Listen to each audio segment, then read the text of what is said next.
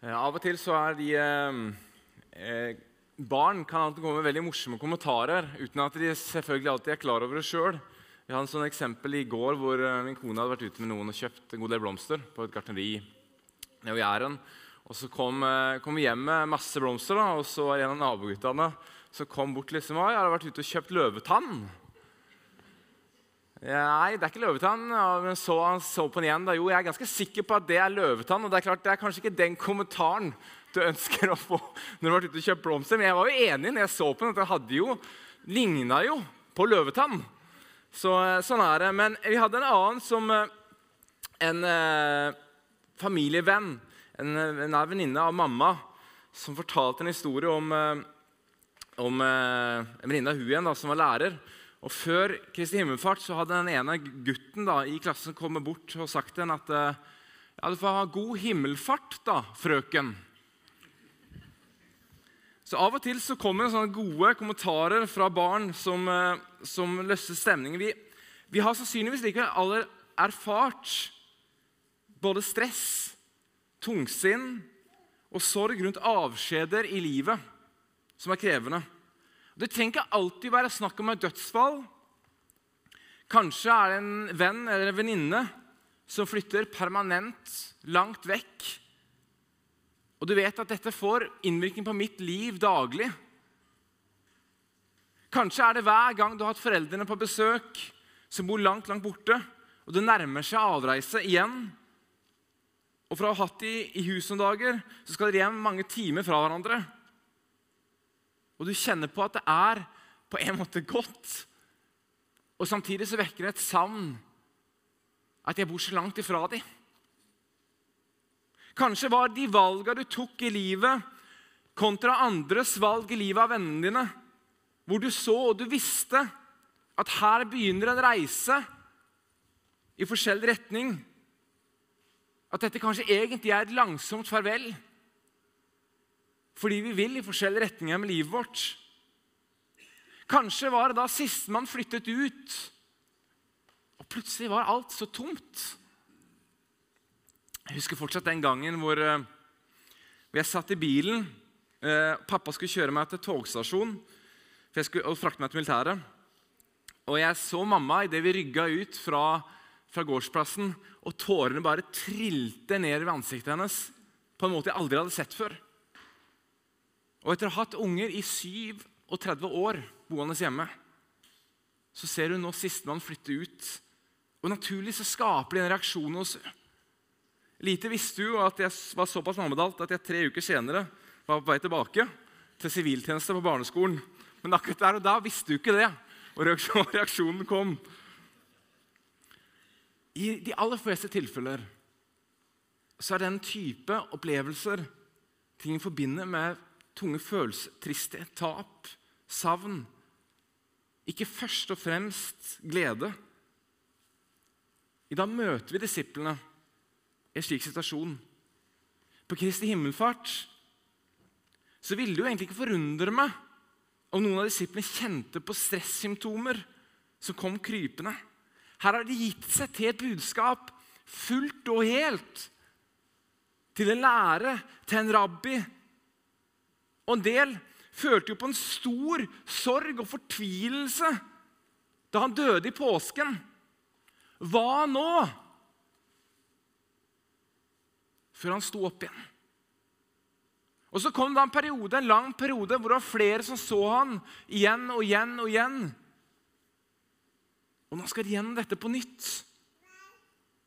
Jo Det ville ikke overraske meg om reaksjonen fester seg hos noen.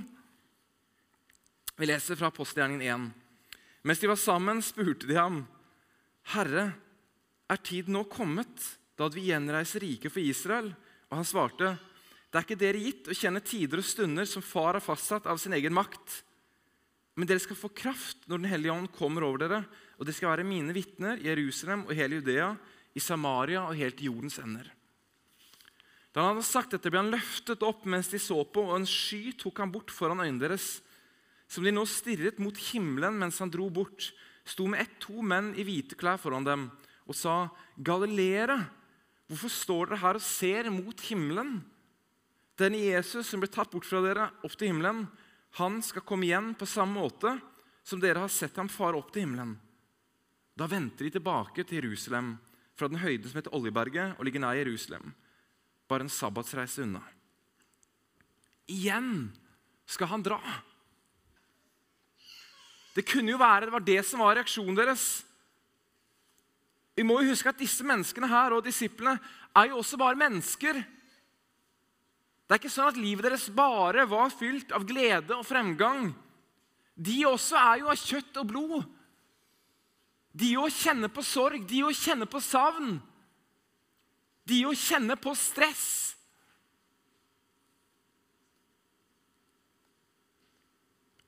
Så det ville vært godt trolig at blant noen av disiplene så var det noen nå som begynte å trykke på knappen.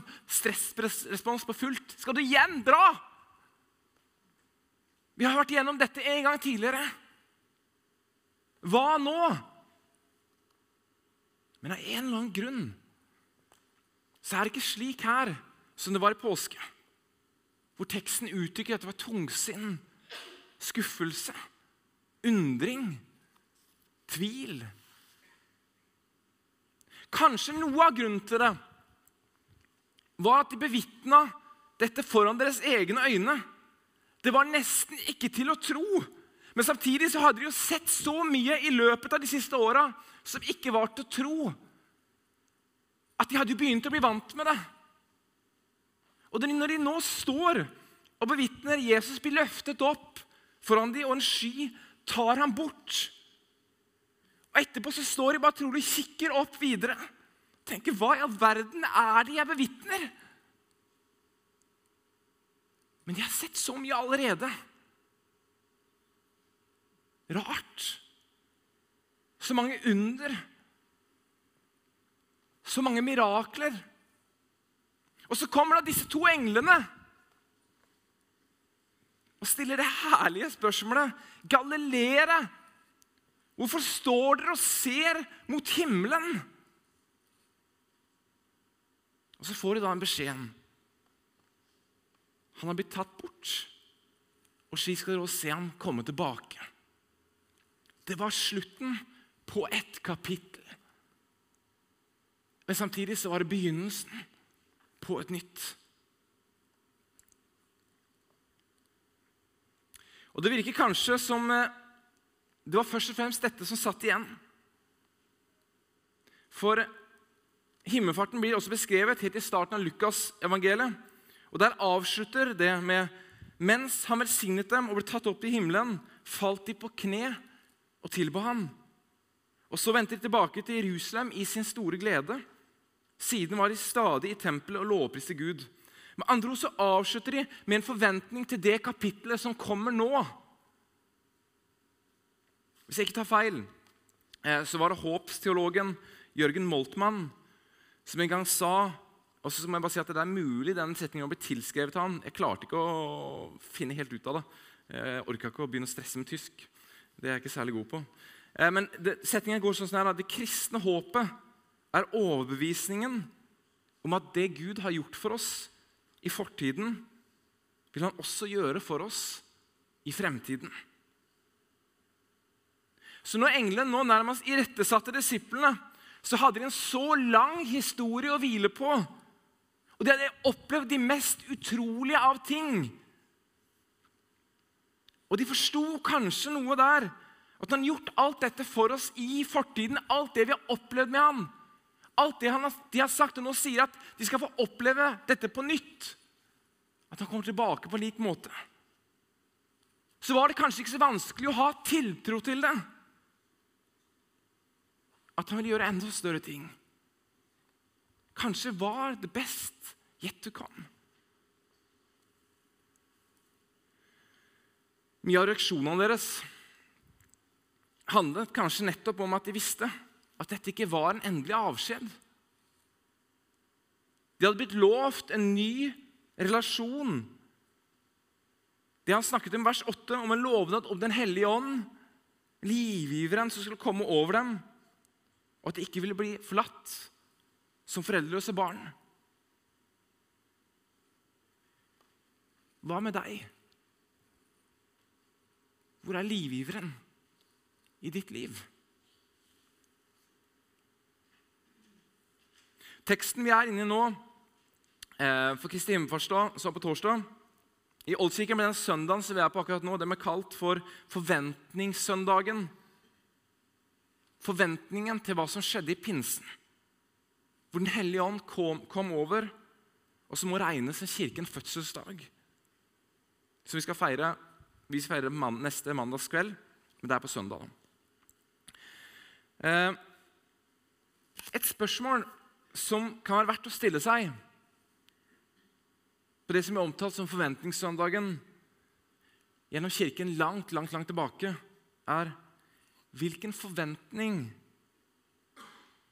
har jeg egentlig til livet? Til troen? Til Gud? Til hva det måtte være? Ofte kan vi referere til tekster som f.eks. Johannes 14, 18-20. Jeg lar dere ikke bli igjen som foreldreløse barn. Jeg kommer til dere. Snart ser ikke verden meg lenger, men dere skal se meg, for jeg lever, og dere skal også leve. Den dagen skal dere skjønne at jeg er i min far, og at dere er i meg, og jeg er i dere. Og Ofte sier vi at når vi er i Kristus, så betyr det også at vi døde med Kristus. At når Kristus sto opp, så skal også vi stå opp sammen med ham der han er. Men når Kristus steg opp til himmelen, som han gjorde på Kristi himmelfart, så gjør også vi det. Kirkefar Augustin skrev slik.: I dag er vår Herre Jesu Kristus steget opp til himmelen måtte våre hjerter slå følge med ham. Slik han steg opp til himmelen uten å forlate oss. Slik er vi allerede hos ham der oppe, uten at det som er blitt lovet oss, er blitt virkelighet i legemlig forstand. Med andre ord så gjør dette noe med oss allerede i dag. Vi har et annet hjemland. Vi har en destinasjon for vårt liv. Og den destinasjonen den påvirker livet mitt allerede i dag. Og hva jeg bygger livet mitt på. De valgene jeg tar. Verdiene jeg lever ut ifra. Hvordan jeg forvalter det jeg har, hvordan jeg forvalter tiden min. Hvordan jeg møter menneskene rundt meg.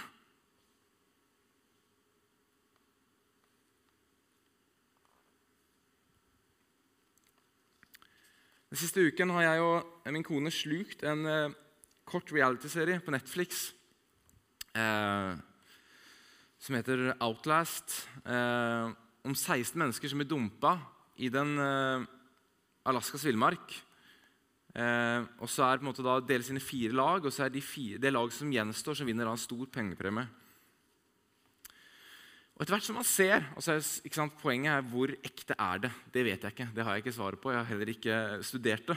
Eh, men det var fengende. Men etter hvert som man ser dette foregå, da, så ser man jo hvordan verdiene til hver enkelt påvirker hvor langt de er villige til å strekke, strekke strikken. Hvordan de behandler andre. Og hvordan verdiene og etikken slår inn. Og jeg minner om at enkelte tilfeller så ble jeg helt sjokkert. I andre tilfeller så er det sånne nydelige etiske refleksjoner som kommer fram, som gjør at de tar helt andre valg. Poenget er det når vi tilhører Kristus, så betyr det at mitt hjemland ikke primært er her. Og det vil påvirke hvilket verdigrunnlag jeg har. Det kommer ikke til å bety altså Selvfølgelig jeg kommer til å bomme igjen og igjen og igjen. Den lutherske samtidigheten kommer sannsynligvis aldri til å forsvinne. Jeg er her, den jeg er, med styrker og svakheter. Men jeg ønsker å la meg påvirke av den gode. Jeg ønsker å la meg påvirke av Gud. Og så vet jeg at jeg kommer til å feile.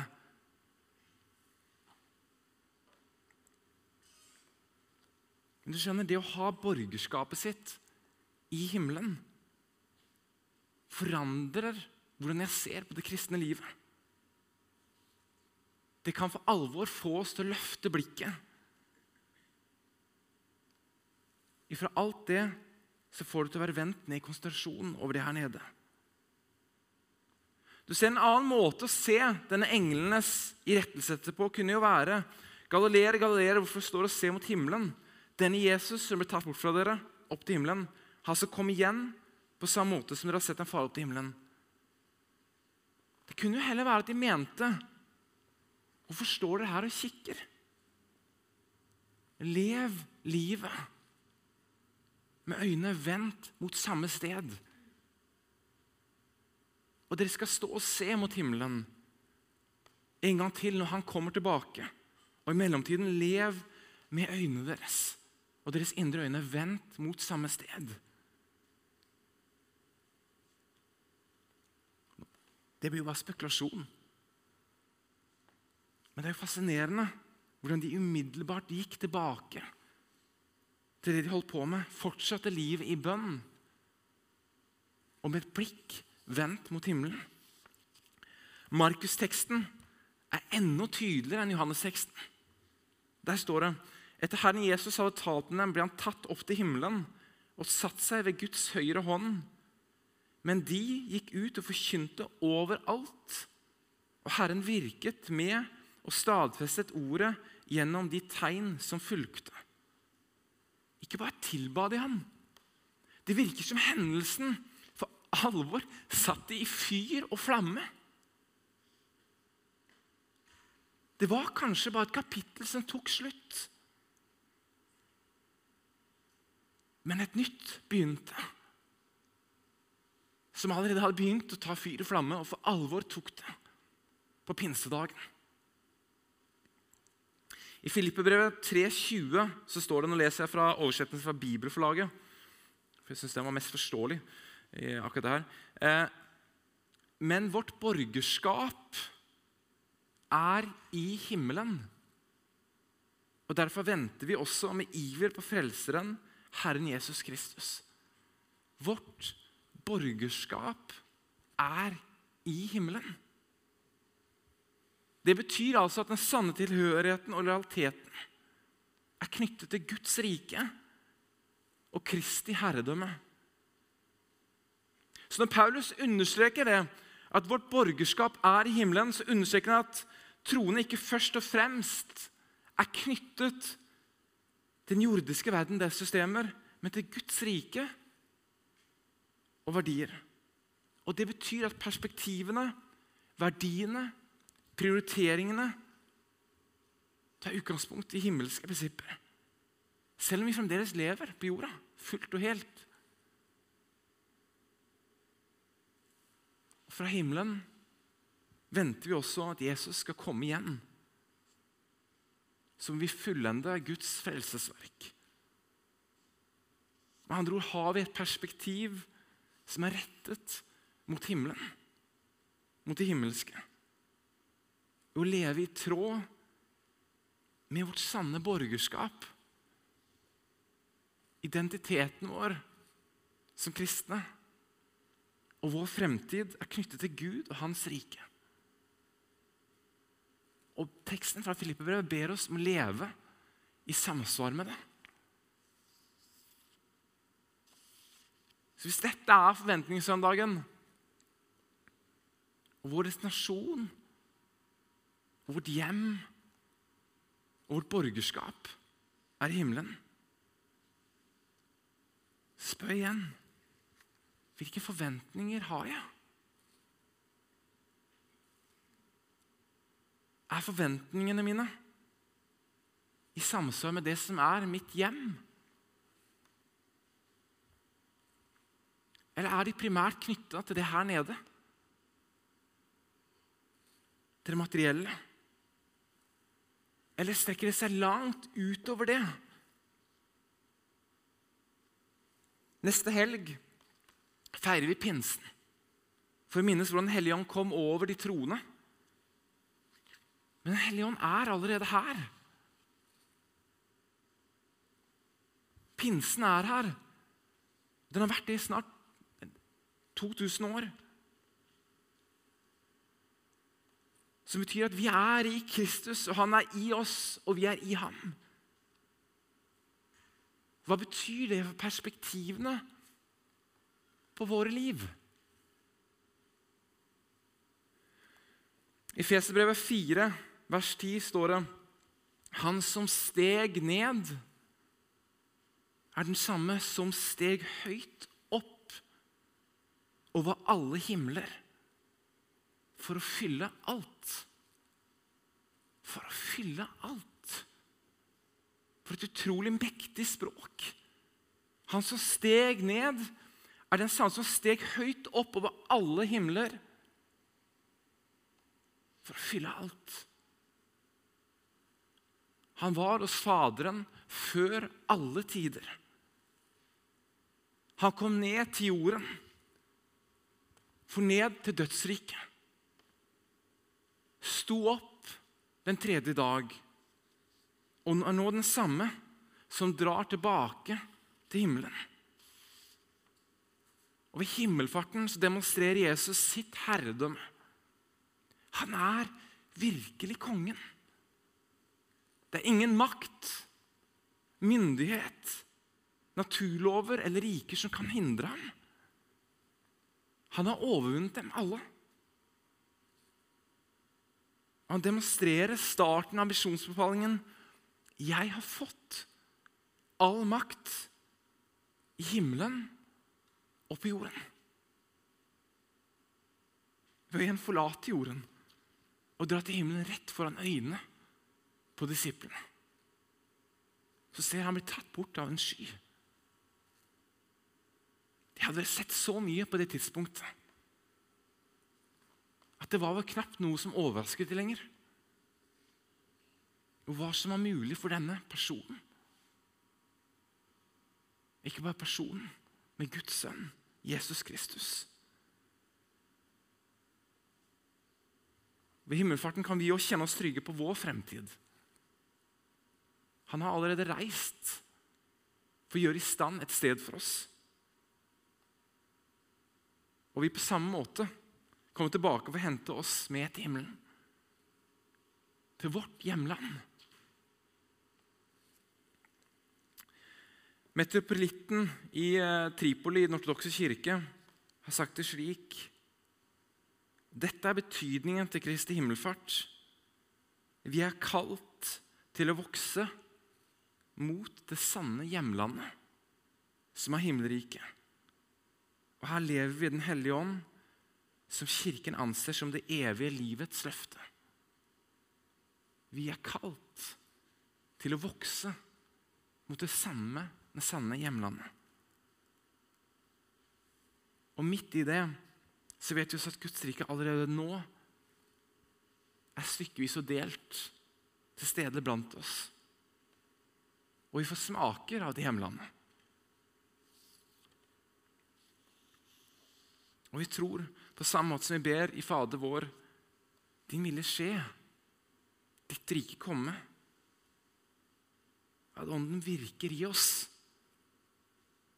til å finne vår plass i å bety en forskjell. Eller det vil si Den hellige ånd virker i oss. Men kanskje må vi være åpne og villige til å åpne noen sluser i livet vårt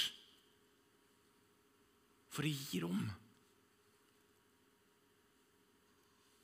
Kanskje mye av dette handler om hvilken vei øynene våre og hjertes øyne vender. Vender de mot himmelen? Så for disiplene ut himmelfartsdag. Eller vender de mot jorden? Avskjeder kan være absolutt grusomme. Men i denne avskjeden ble starten på nytt. Det var avslutning på et kapittel. Men det var også oppstarten på et nytt. En forventning. Og for oss i dag kanskje også vel så mye en grunn til å løfte blikket over hva vi får lov å være med på. Han som fyller alt i alle. Han som er steget opp over alle himmelens himler og fyller alt. Overvunnet alle makter og grenser og myndigheter. Han er tett på våre liv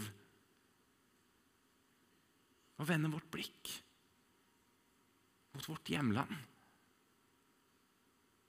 Mot der vi har vårt borgerskap som kristne. Jesus er konge. Og han er løftet opp på sin trone ved siden av sin far. Og En dag kommer han igjen for å hente oss hjem til den destinasjonen som kun troen kan gi oss et visum til. Disiplene sto igjen med øynene vendt mot himmelen når han dro. Hvis vi leter etter hensikt med livet vårt, så er kanskje hva denne verden trenger i dag, mennesker som lever her nede.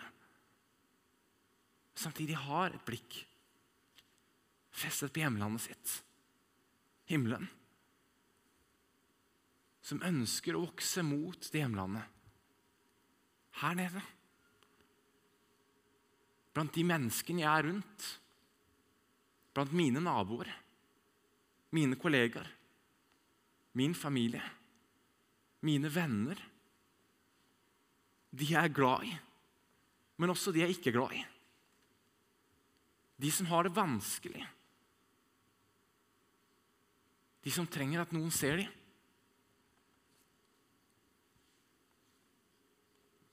For om blikket festa mot det hjemlandet, så gjør det noe med oss. Og det setter også livet vi lever her nede, i et nytt perspektiv. Kanskje var Kristi himmelfart avslutningen på ett kapittel. Men et nytt kapittel ble åpnet. Og det kapittelet tok for alvor fyr. Ble satt i fyr og flamme neste helg, på pinsedag. La oss be. Kjære Jesus, takk for din godhet og for din kjærlighet. Takk for at du fortsetter å elske oss på tross av at vi stadig opplever å feile.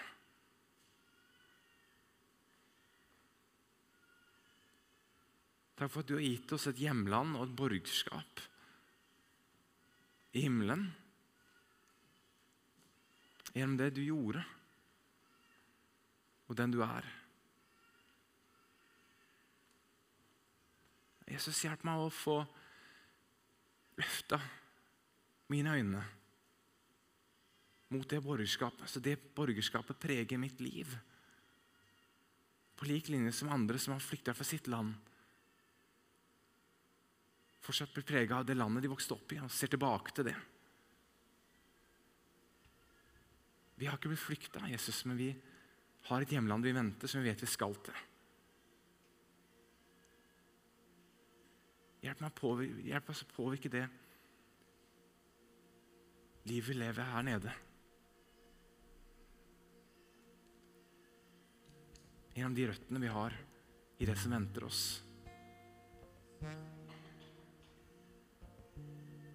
Jeg ber at du kommer, fyll oss med din Hellige Ånd.